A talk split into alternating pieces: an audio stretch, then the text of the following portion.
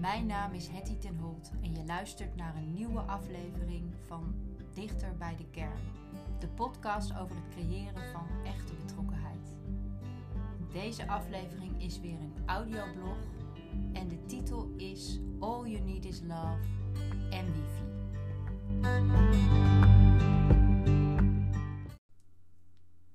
All You Need Is Love en Wifi.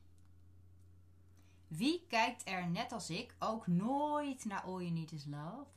Het tv-programma dat erom draait mensen, vaak uit het buitenland overgevlogen, met elkaar te herenigen, terwijl het publiek in de studio klappend en juichend toekijkt hoe de geliefden, vrienden en familieleden elkaar huilend in de armen vallen. Je zou denken dat er van dat hele concept in een tijd van social distancing en met vliegtuigen aan de grond weinig overblijft. Maar niets is minder waar. De programmamakers hebben zich snel aangepast aan de nieuwe situatie. Er rijdt nu een All You Is Love autootje door het land dat naar mensen toerijdt om videoboodschappen van geliefden die ze vanwege social distancing tijdelijk niet kunnen ontmoeten, af te spelen op een levensgroot scherm. Ook de studio werd slim aangepast.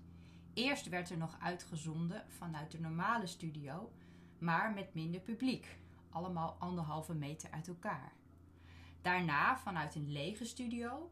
En nu zit Robert in een kleinere studio, wat er veel minder ongezellig uitziet. Heb ik me laten vertellen, want ik kijk natuurlijk nooit. Ook Arjan Lubach paste de set van zijn programma Zondag met Lubach aan. Maakte ook hij eerst nog een aflevering in een lege studio, wat er toch een beetje ongemakkelijk uitzag. Inmiddels zit hij met zijn co-host, of heet het een sidekick, Tex en eindredactrice Janine Abrin in een informelere setting aan een grote tafel. Netjes anderhalve meter uit elkaar. Ook in mijn eigen omgeving zie ik met bewondering hoe mensen zich massaal aanpassen aan de beperkingen van deze coronatijd. Juffen en meesters geven online les. Mijn nichtje krijgt vioolles via FaceTime. Restaurants schakelen om naar afhaalmaaltijden. Trainers verplaatsen hun trainingen naar online platforms. En een bevriende zangeres paste haar workshop liedtekst schrijven aan en gaf hem op Skype. Vaak gaat dat heel goed. Ik heb de indruk dat veel mensen, min of meer gedwongen door het coronavirus, ontdekken dat ze heel goed plaatsonafhankelijk kunnen werken en helemaal niet op dezelfde locatie hoeven te zijn als degene met wie ze samenwerken.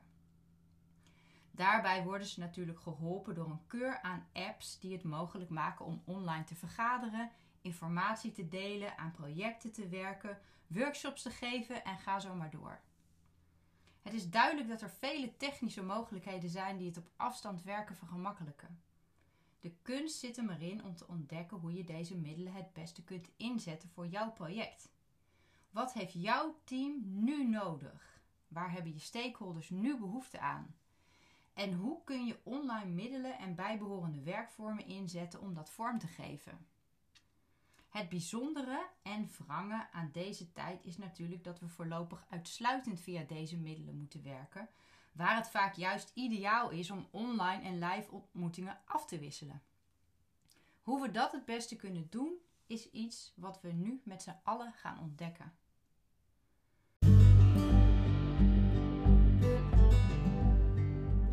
Dankjewel voor het luisteren, dat was het weer. Je kunt een voicemail voor me achterlaten om me te laten weten wat je hiervan vond en wat je nog meer graag zou willen horen. En wil eens samen met mij kijken hoe je ook in deze tijd je stakeholders kunt blijven betrekken bij je project en welke middelen en werkvormen je daarbij kunt inzetten? Neem dan eens contact met me op om een afspraak te maken. En dat kan via de link die ik onder deze aflevering uh, zal posten. Dankjewel en tot de volgende keer.